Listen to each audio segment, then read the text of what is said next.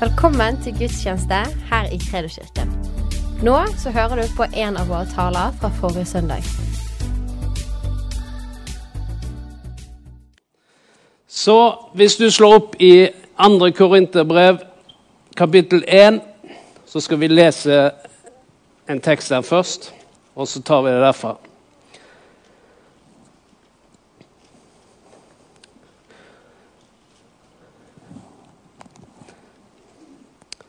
Der står det slik Gud er trofast. Vårt ord til dere Det sa jeg 18-21. I hvert fall er det 18-21. Vår, vårt ord til dere er ikke eh, til dere var ikke både ja og nei.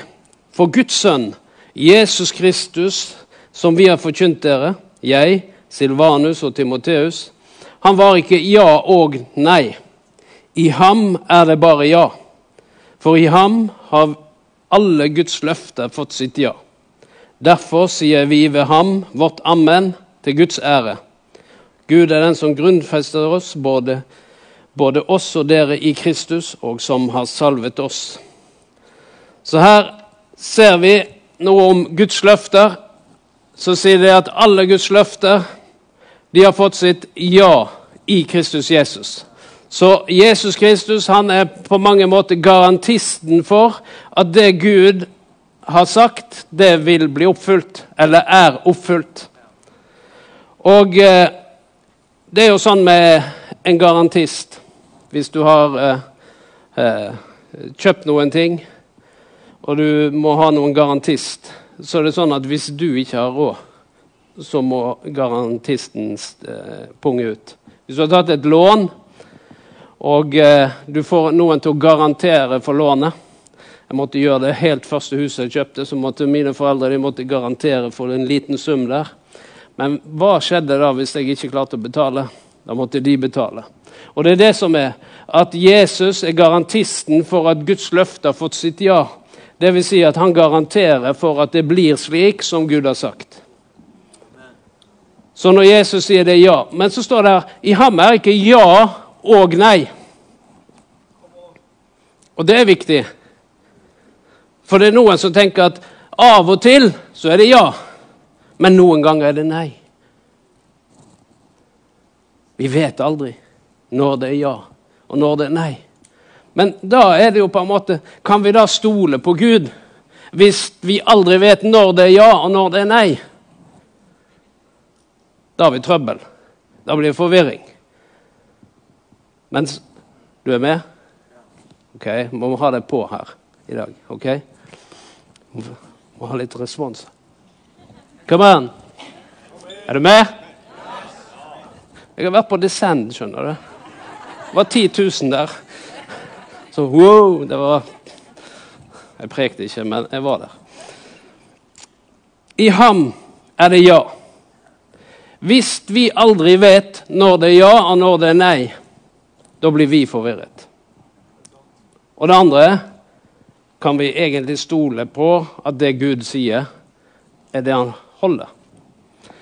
Men da har vi Jesus Kristus som garanterer for, fordi han har sagt at alle Guds løfter i Jesus Kristus har de fått sitt.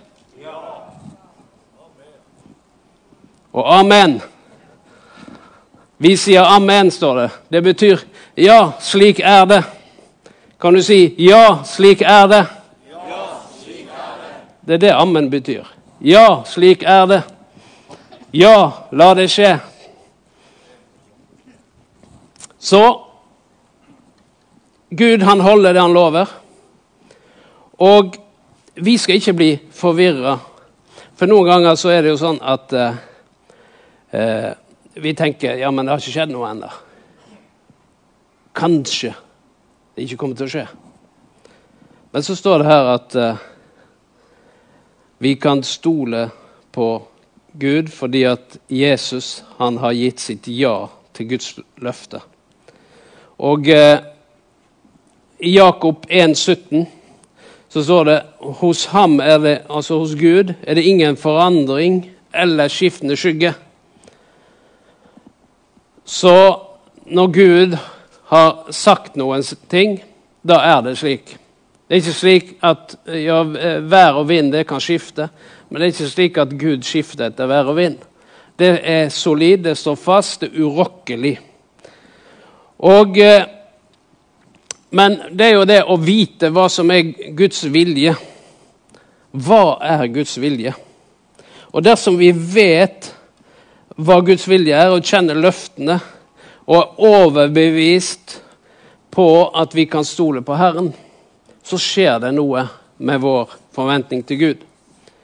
Og eh, vi har et eh, eksempel i Abraham. og Jeg har lyst til å lese det helt å begynne med, fra Abraham 4, vers 16-21. Det er historien om Abraham som måtte vente på Guds løfte. Eh, og det som er spørsmålet, hva skjer mens vi venter? Er det slik at når vi må vente, så det, betyr det at Gud har skifta mening? Og dette eksempelet til, eh, i romerbrevet her, det er et godt eksempel. Der står det derfor, vers 16, derfor fikk Abraham løftet fordi han trodde, så alt skulle være av nåde. For da kan løftet stå fast for hele hans ett, og ikke bare for den som har loven, men også for den som har samme tro som Abraham. Han er jo far til oss alle, slik det står skrevet. Jeg har gjort deg til far for mange folkeslag. I Guds øyne er han vår far, for han trodde på ham som gjør de døve, le døde levende, og byr det som ikke er, til som at det skal bli til, står det i en oversettelse. Selv om alt håp var ute, holdt Abraham fast ved håpet og trodde. Derfor ble han far til mange folkeslag. Så tallrik skal din ett bli. Han var nesten 100 år, men ble likevel ikke svak i troen da han tenkte på sin egen kraftløse kropp og på Saras døde mors liv. Han var ikke vantro og tvilte på Guds løfte, men ble sterk i troen idet han ga Gud ære. For han var overbevist om det er det som heter tro. At det Gud hadde lovet, hadde han også makt til å gjøre. Så her ser vi Abraham.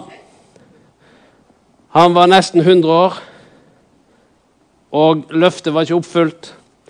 Så, men jeg tenkte på det når jeg forberedte meg, at han fikk løftet da han var 75. Bare det er et under. Sant? Kona var 65.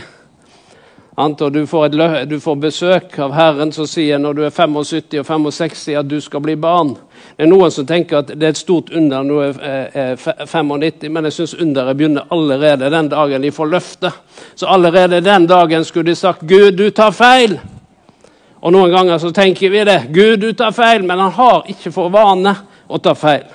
Men det hender at vi tar feil hvis vi velger å gi slipp på det Gud har lovt.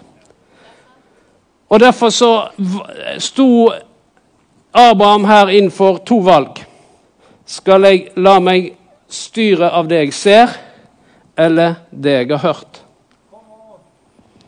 Og da står det at når han så på omstendigheten At han selv var nesten 100 år på Saras døde mors liv, står det. Så står det at Men han tvilte han ikke i vantro likevel. Fordi han flytta blikket en annen plass.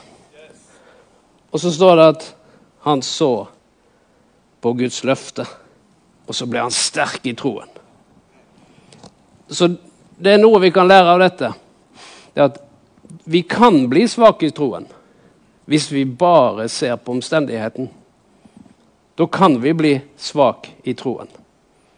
Vi må hele tiden ha blikket på hva Gud har sagt slik at vi ikke blir svake i troen, men at vi blir sterke i troen.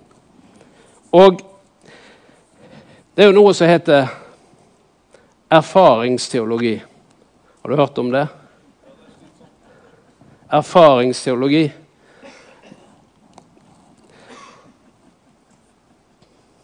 Vi erfarer jo at ikke alle mennesker blir frelst. Det er en erfaring. Er da konklusjonen at frelsen ikke er for alle?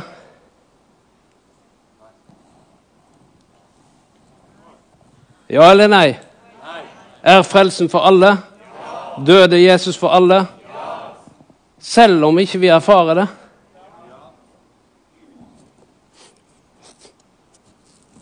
Hvordan er det da med helbredelse? Alle blir jo ikke helbreda. Betyr det at helbredelse da ikke er for alle? Eller er helbredelse for alle? Det er det vi skal se litt på. Var inkludert i det Jesus gjorde. Fordi at vi bygger vårt liv på troen på Guds ord.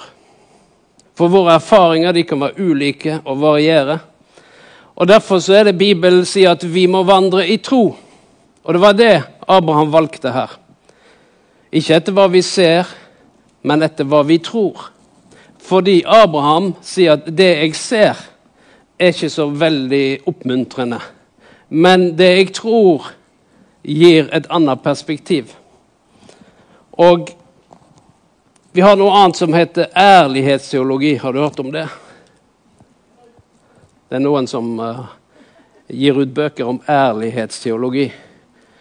Og uh, det her kaller jeg ærlighetsteologi. For den er ærlig på to plan, ikke bare på én. For noen ganger tenker jeg ærlighetsteologi det at vi må jo si hvordan vi har det. Ja, selvfølgelig. Du kan, hvis du er syk, så må du i hvert fall si at du er syk. Fordi det er jo bare de syke som trenger helbredelse. Så hvis du går rundt og sier 'jeg er ikke syk, jeg er ikke syk, jeg er helbredet', jeg er helbredet, mens du er syk, så kan det være at eh, det er de som er syke, som trenger helbredelse. Så det er ganske enkelt. Hvis du er syk, så må du si 'Jeg er syk. Jeg trenger helbredelse'. Og det var det Abraham sa. 'Jeg har ingen barn'. Han var ærlig. Men det er mange de stopper der. Mange snakker om at ærlighetsteologi Da må du fortelle hvordan du har det. Jeg har det vondt her, jeg har det vondt der, jeg har vondt i viljen, jeg har vondt både her og der. At vi skal gå rundt og Vi må jo være ærlige. Jo, men det må ikke stoppe der. For ærlighet, det stopper ved at vi må være ærlige med hva Gud sier om saken. For hvis vi bare stopper der, da proklamerer vi det som er. Men det er det Abraham sier her. Han sier det at jo, han snakker om det som er. Men noen ganger når vi snakker om det som er, så er det som om vi tenker at og slik må det bli. Men her står det at han tilhører en gud som byr det som ikke er, til å bli. Så Gud snur på hele opplegget.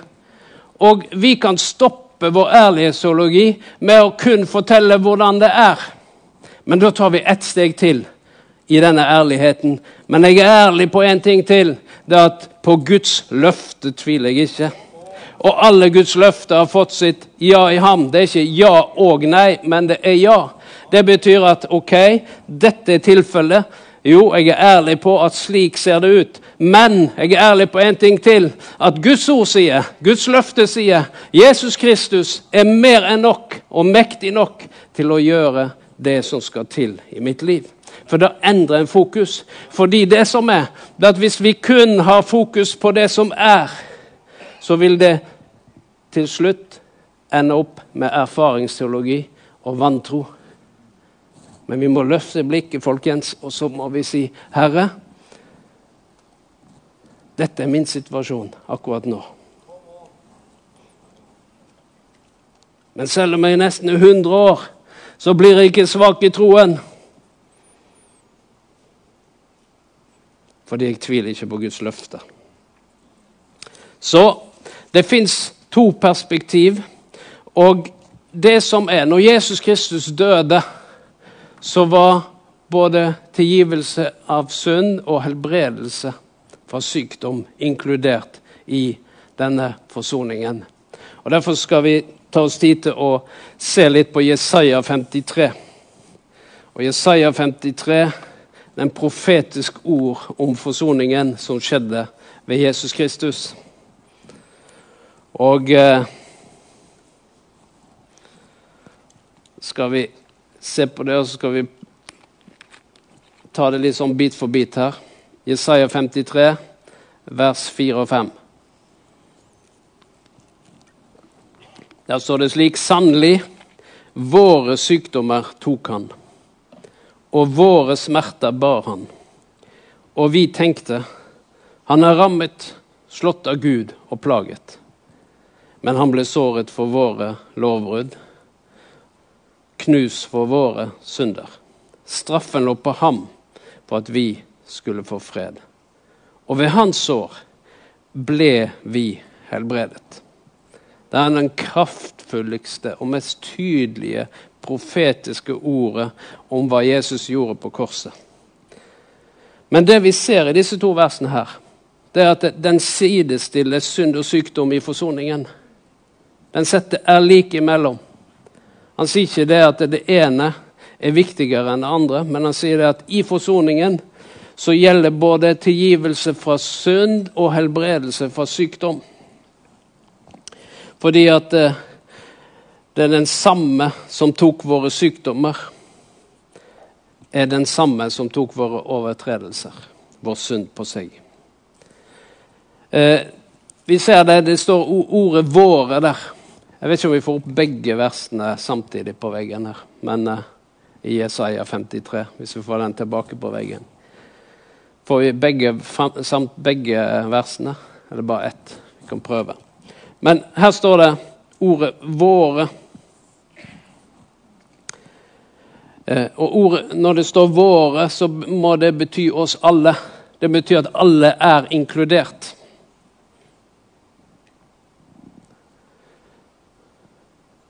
Og når det sier 'alle' i forbindelse med synd, det betyr da har vi en frelser. Men så står det også 'alle' i forbindelse med sykdom. Så det må bety at vi har en helbreder. Så både i verset som handler om sykdom, og om verset som handler om synd, så står det at det er for alle. Det er ikke slik at når det gjelder sykdom, synden, så er det for alle. Mens når det gjelder sykdom, så er det for nesten alle. Nei, Bibelen skiller ikke. Det er ingen grense mellom sykdom og synd. Det står 'er lik'. Det er en del av forsoningen. Når Jesus døde, så døde han for alle. Og vi vet jo det, at i Jesus Kristus er det ikke ja og nei. Så det betyr at både frelsen tilhører oss, og helbredelsen tilhører oss. For hvis vi vet at det er Guds vilje å frelse alle, men lurer på om det er Guds vilje å helbrede alle, så begynner vi å skille opp noen ting som Bibelen ikke deler opp. Og det er litt viktig å forstå. Fordi noen ganger så tenker vi at ja, det er viktigere med frelse. Men når Bibelen ikke skiller på disse to tingene i forsoningen.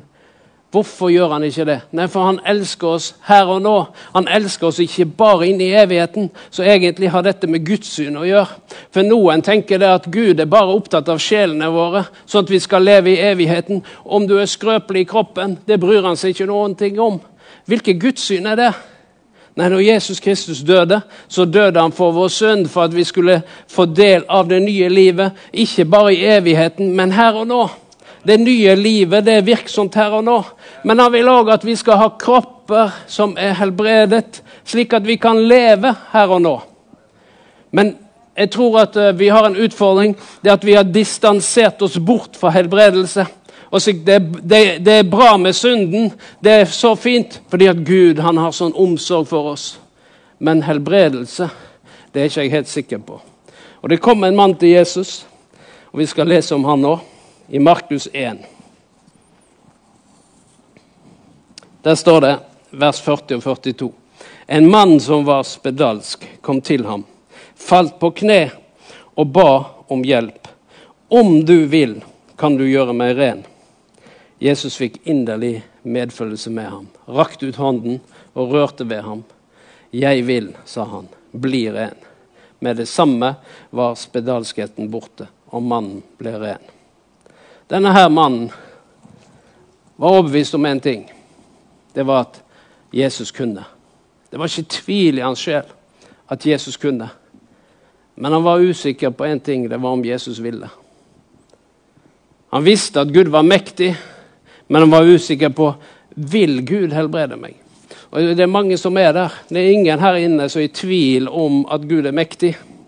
For han som skapte himmel og jord, han er vel mektig til å helbrede det på min kropp. Den kroppen som han har skapt. Jo, det vet vi ikke. Men så er spørsmålet vil han? Er det inkludert? Det er det som er spørsmålet. Og da kan vi si at uh, i ham, Jesus Kristus, er det ikke ja og nei. Fordi hvis det er slik at han sier ja til noen, men sier nei til noen andre, kan vi da si at Gud er rettferdig?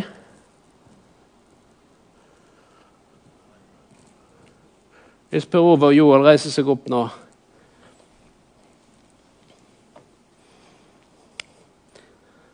Joel, du får ta imot helbredelse. Du hadde, du hadde vondt i viljen akkurat nå. Og Per Ove han hadde også vondt i viljen. Så hvis jeg da sier at eh, ja, men det er greit for deg, men ikke for deg Hvis du går til legen bare sett deg. Hvis du går til legen, da, og så sitter du der hos legen, og legen sier sant? Det er to stykker som kommer inn, samme sykdomstilfelle. Og så sier legen det at 'jeg kan hjelpe deg, men jeg vil ikke'. Tror du han hadde fått lisensen beholdt da? Jo, de kan helbrede deg, men jeg vil ikke. Og det er jo det som står her. Han har sikkert vært hos legen, han. Og han verken kunne eller ville. For han har ikke noe å betale. Eh, men i hvert fall så er det slik at hvis vi kommer framfor Gud og tenker som så At eh, det er ikke sikkert han vil.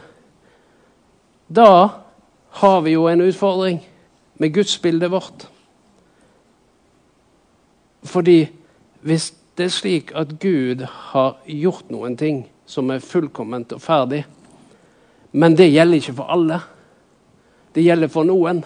Og det kommer an på dagsformen til Herren om du går igjennom eller ikke. Så må vi justere gudsbildet vårt. Og her står det at det her er for alle, står det. Alle er inkludert i dette. Og når Jesus sier ja til én, så betyr det da sier han ja til alle. For i ham er det ikke ja og nei. Så når frelse er tilgjengelig for alle, så er helbredelse tilgjengelig for alle. Og Så går vi tilbake til den teksten i Jesaja 53. Så står det om at uh, han ble Sannelig, våre sykdommer tok han, og våre smerter bar han. Dette ordet sykdom og smerte som blir brukt der, det, det betyr på hebraisk det det betyr. Det betyr fysiske smerter. Det er ikke bare et bilde på et eller annet. Men det betyr på hebraisk så betyr disse ordene smerte og sykdom det er kun brukt om fysiske lidelser. Så det her er ikke en sånn åndeliggjøring av noe. Men det er de fysiske smertene som vi har, de bar han. Og når vi ser hva Jesus gjorde i Matteus 8, vers 17 Jeg tror vi skal lande jeg altså i dag òg, på en god måte.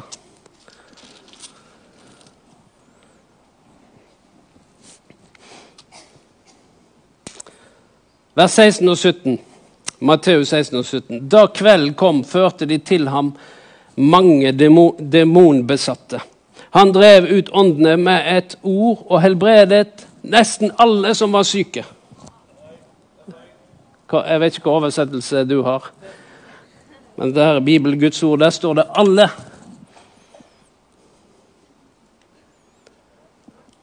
Og hva sier de da, når dette skjer? Da sier de at slik ble det oppfylt som var talt ved profeten Jesaja. Han selv tok våre skrøpeligheter og bar våre sykdommer. Altså, Hva er forståelsen av det? At når Jesus eh, drev ut onde ånder og helbredet de syke, hva er det de tenker på med en gang? Jesaja 53. Og de skjønner det at dette handler om fysiske lidelser. Og Jesus gikk omkring og helbredet fysiske lidelser fordi han tok det på seg. Et annet ord som vi skal legge merke til her, det er ordet at han tok bort At han eh, tok bort våre plager og bar våre sykdommer. Så ordet 'tok bort' og ordet 'bar' det betyr noen ting. Fordi at Hvis det er slik at han tok bort og bar våre fysiske sykdommer, og det viser til hva Jesus gjorde på korset Men det samme ordet som ble brukt om at Jesus bar våre synder, er også brukt om at han bar våre sykdommer. Så da kan det ikke være slik at det i, i vers 11 i Jesaja så betyr bar, noe, bar bort noe annet. Altså Da gjelder det synden, mens det gjelder ikke når det kommer til sykdom. Nei, han bar våre synder, og han bar våre sykdommer. Og Derfor sier 1. Peter 2 og vers 24.: På sin egen kropp bar han våre synder opp på treet, så vi skulle dø bort fra synden og leve for rettferdigheten. Og så kommer det ved hans år ble dere helbredet.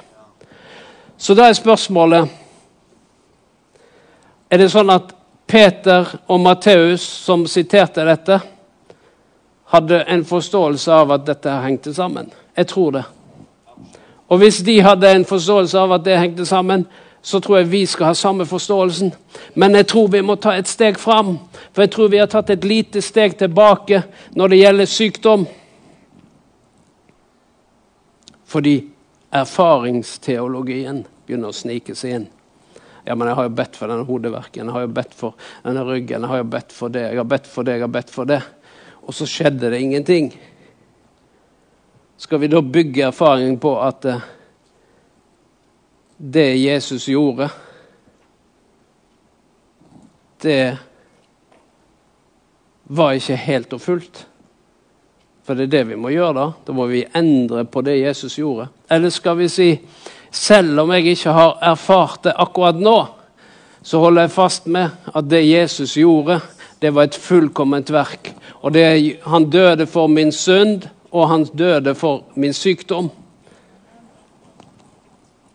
Det er for eh, begge deler. Og Salme 103, der står det òg i sammenheng. Jeg tror dette her var fordi det var en sånn forståelse av at dette her henger sammen. Salme 103, vers 3. Han som tilgir all dine misgjerninger, som leger alle dine sykdommer. Der kommer det sammen igjen. Og eh, det å forstå at det Jesus gjorde, det gjelder hele oss fordi han elsker hele oss. Han, det gjelder vår eh, åndelige liv, men det gjelder også våre fysiske kropper. Og det er jo sånn at når han har gjort noe ferdig, så er det ferdig. Når Jesus ropte på korset 'det er fullbrakt', så betyr det at det var fullbrakt. Det var ferdig. Fullkomment ferdig. Og hvis det var fullkomment ferdig, så er det da gjør ikke han noe mer med det. For det er noen de tenker at uh, Gud sitter i himmelen der og vurderer dine bønner hver gang. Om han skal helbrede eller ikke. Men det er noen ganger vi ber på den måten at det er nesten sånn at ok, nå er det oppe i rådet der. Skal vi la den bønnen gå igjennom til helbredelse? Men det er ikke sånn at Gud sitter i himmelen der og tar Jeg så på en sånn eh, eh film. Den heter Bruce Almighty. Har du sett den? Du kan le deg skakk i hjel, men det er en annen ting. Men i hvert fall da er han plutselig Gud. Og så gjorde han Han hadde sikkert lest uh, 2. Korinterbrev 2, at i Kristus er det ja, for han, han, han lagde inn et system på alle bønder. Så svarte han bare ja på alle. Men det ble jo kaos i samfunnet, for alle fikk jo ja på sine bønder. Så det var noe sånn. Men i hvert fall da så hadde han postlapper overalt. Og det var liksom dette bildet av at Gud sitter der i himmelen. Og enten svarer han ja, eller så svarer han nei. Men nå har vi jo lest at det er ikke ja og nei. Men noen ganger så tenker vi sånn at Gud sitter der. Skal vi vurdere nå denne helbredelsen, eller? Når han er ferdig med den vurderingen. Det er det som er sannheten. Han gjorde det for Jesus døde. Hvor mange ganger? Én gang. For hvor mange? Alle. Og hva er inkludert i hans død og oppstandelse? Frelse og helbredelse. Men vi har noe å innta. Vi har noe å innta. Fordi at vi ser for lite av det siste. Ja, vi ser for lite av det første òg. Det er for lite frelse. Men jeg ble ved godt mot når jeg så 9 10 000 ungdommer. Nå var jeg blant de 10 000 ungdommene, men, så det var kanskje noe færre. Men, uh, men i hvert fall, det er håp for Norge. Når overalt så er det unge mennesker som vil springe med budskapet og gi det videre. Og jeg fikk en sånn opplevelse av sånn som det var på 80- og 90-tallet, når vi begynte å springe. Så var det en sånn hunger, det var en sånn lengsel etter å se at det Gud sa, det var også det som eh, vi ser skje. Og jeg tror den samme lengsel begynner å reise seg. At vi vil ikke lenger ha teorien om hva Gud gjør, men vi vil se det skje. Vi vil ikke bare høre om at det skjer andre steder, men vi vil at det skal skje i og gjennom mitt liv. Og Derfor så oppfordrer Skriften oss til at vi skal legge hendene på de syke. Ja, men jeg har bedt for noen, og de blir ikke helbredet. Derfor slutter jeg å legge hendene på de syke. Nei, men begynn igjen! Fortsett med det. Mange av de som, eh, som har opplevd helbredelse og sånn, vet du hva, det var de bare kanskje for 500 stykker, det skjedde ingenting. Tenker vi ok, jeg gjør det en gang til. Og plutselig så begynner det å bryte løs. Og så eh, ser en helbredelse og tegn og under. Hvorfor det? Jo, for det er inkludert i pakken. Og derfor kan vi si jeg vil gjøre det. Jeg vil tro på det. Jeg vil handle på det Jeg vil gi evangeliet. Jeg vil gi helbredelse. Og, eh, eh, og det er derfor jeg sier det at vi, vi, vi kan ikke tenke sånn at eh, ja, det er viktigere med frelse enn helbredelse. fordi at Bibelen skiller ikke på det på den måten. Fordi han syns at mennesket er viktig. Han elsker mennesket. Han elsker hele oss. Og Derfor vil han at vi skal ha det godt. Som eh, 1. Johannes sier, jeg ber om at dere skal få ha det godt, slik som dere til ånd og sjel. Og eh, Hvis vi ser på Jesus sin eh, tjeneste, da, så er det at veldig mange av de som ble frelst, ble først helbredet.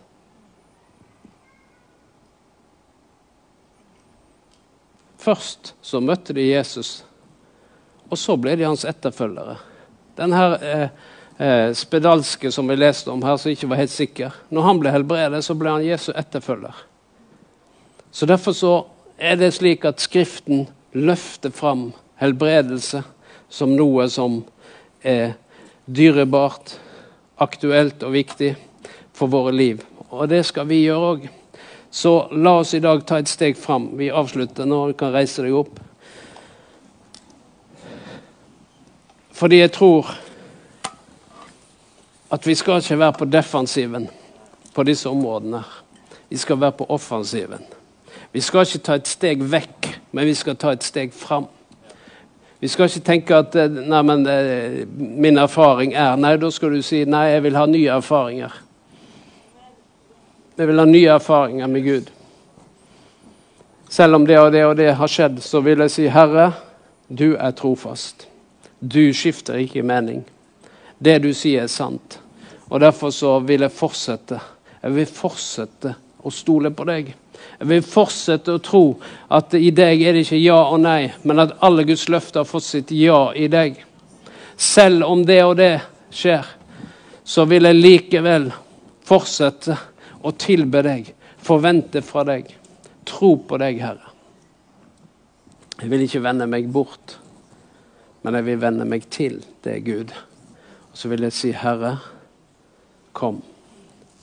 Så vi takker deg, Herre, for at ditt ord er levende, det er virkekraftig, det skaper det det sendes til, Herre. Og Vi tror at ditt ord er sant, Herre. Og at det du gjorde på korset, Herre, det var et fullkomment verk. Det var ikke halvferdig, men det var helt og fullt ferdig. Det er ikke noe du skal gjøre om igjen, men du gjorde det én gang for alle, Herre. Og i dette så inkluderte du frelse og helbredelse, Herre, fordi du elsker oss alle sammen. Du elsker oss som er her, men du elsker hele verden, Herre. Derfor døde du for alle mennesker, for så høyt elsket du verden at du ga. Du ga ditt liv til soning for vår synd, til soning for vår sykdom. Vi takker deg for det, Herre. Vi bare priser deg, Far. I Jesu Kristi navn, vi ærer deg, Herre.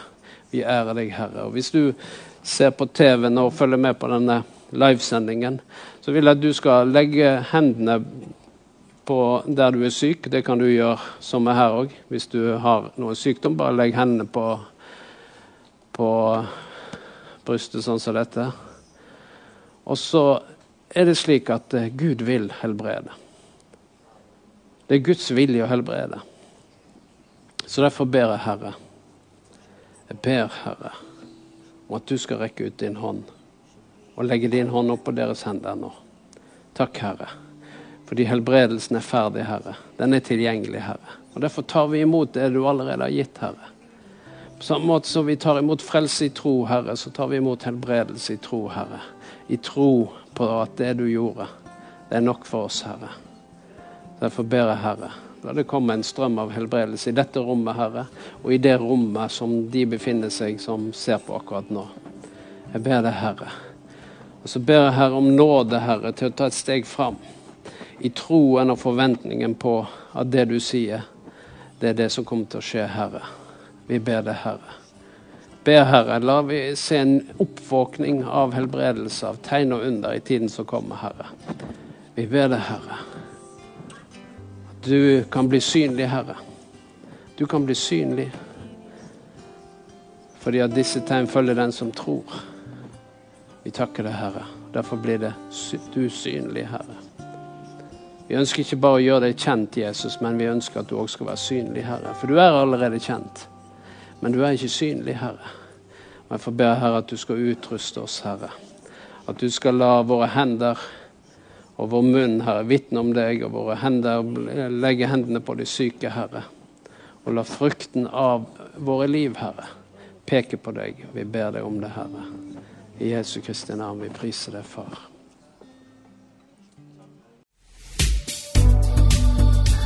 Tusen takk for at du lyttet. Følg oss gjerne på Instagram og Facebook, og så snakkes vi neste uke.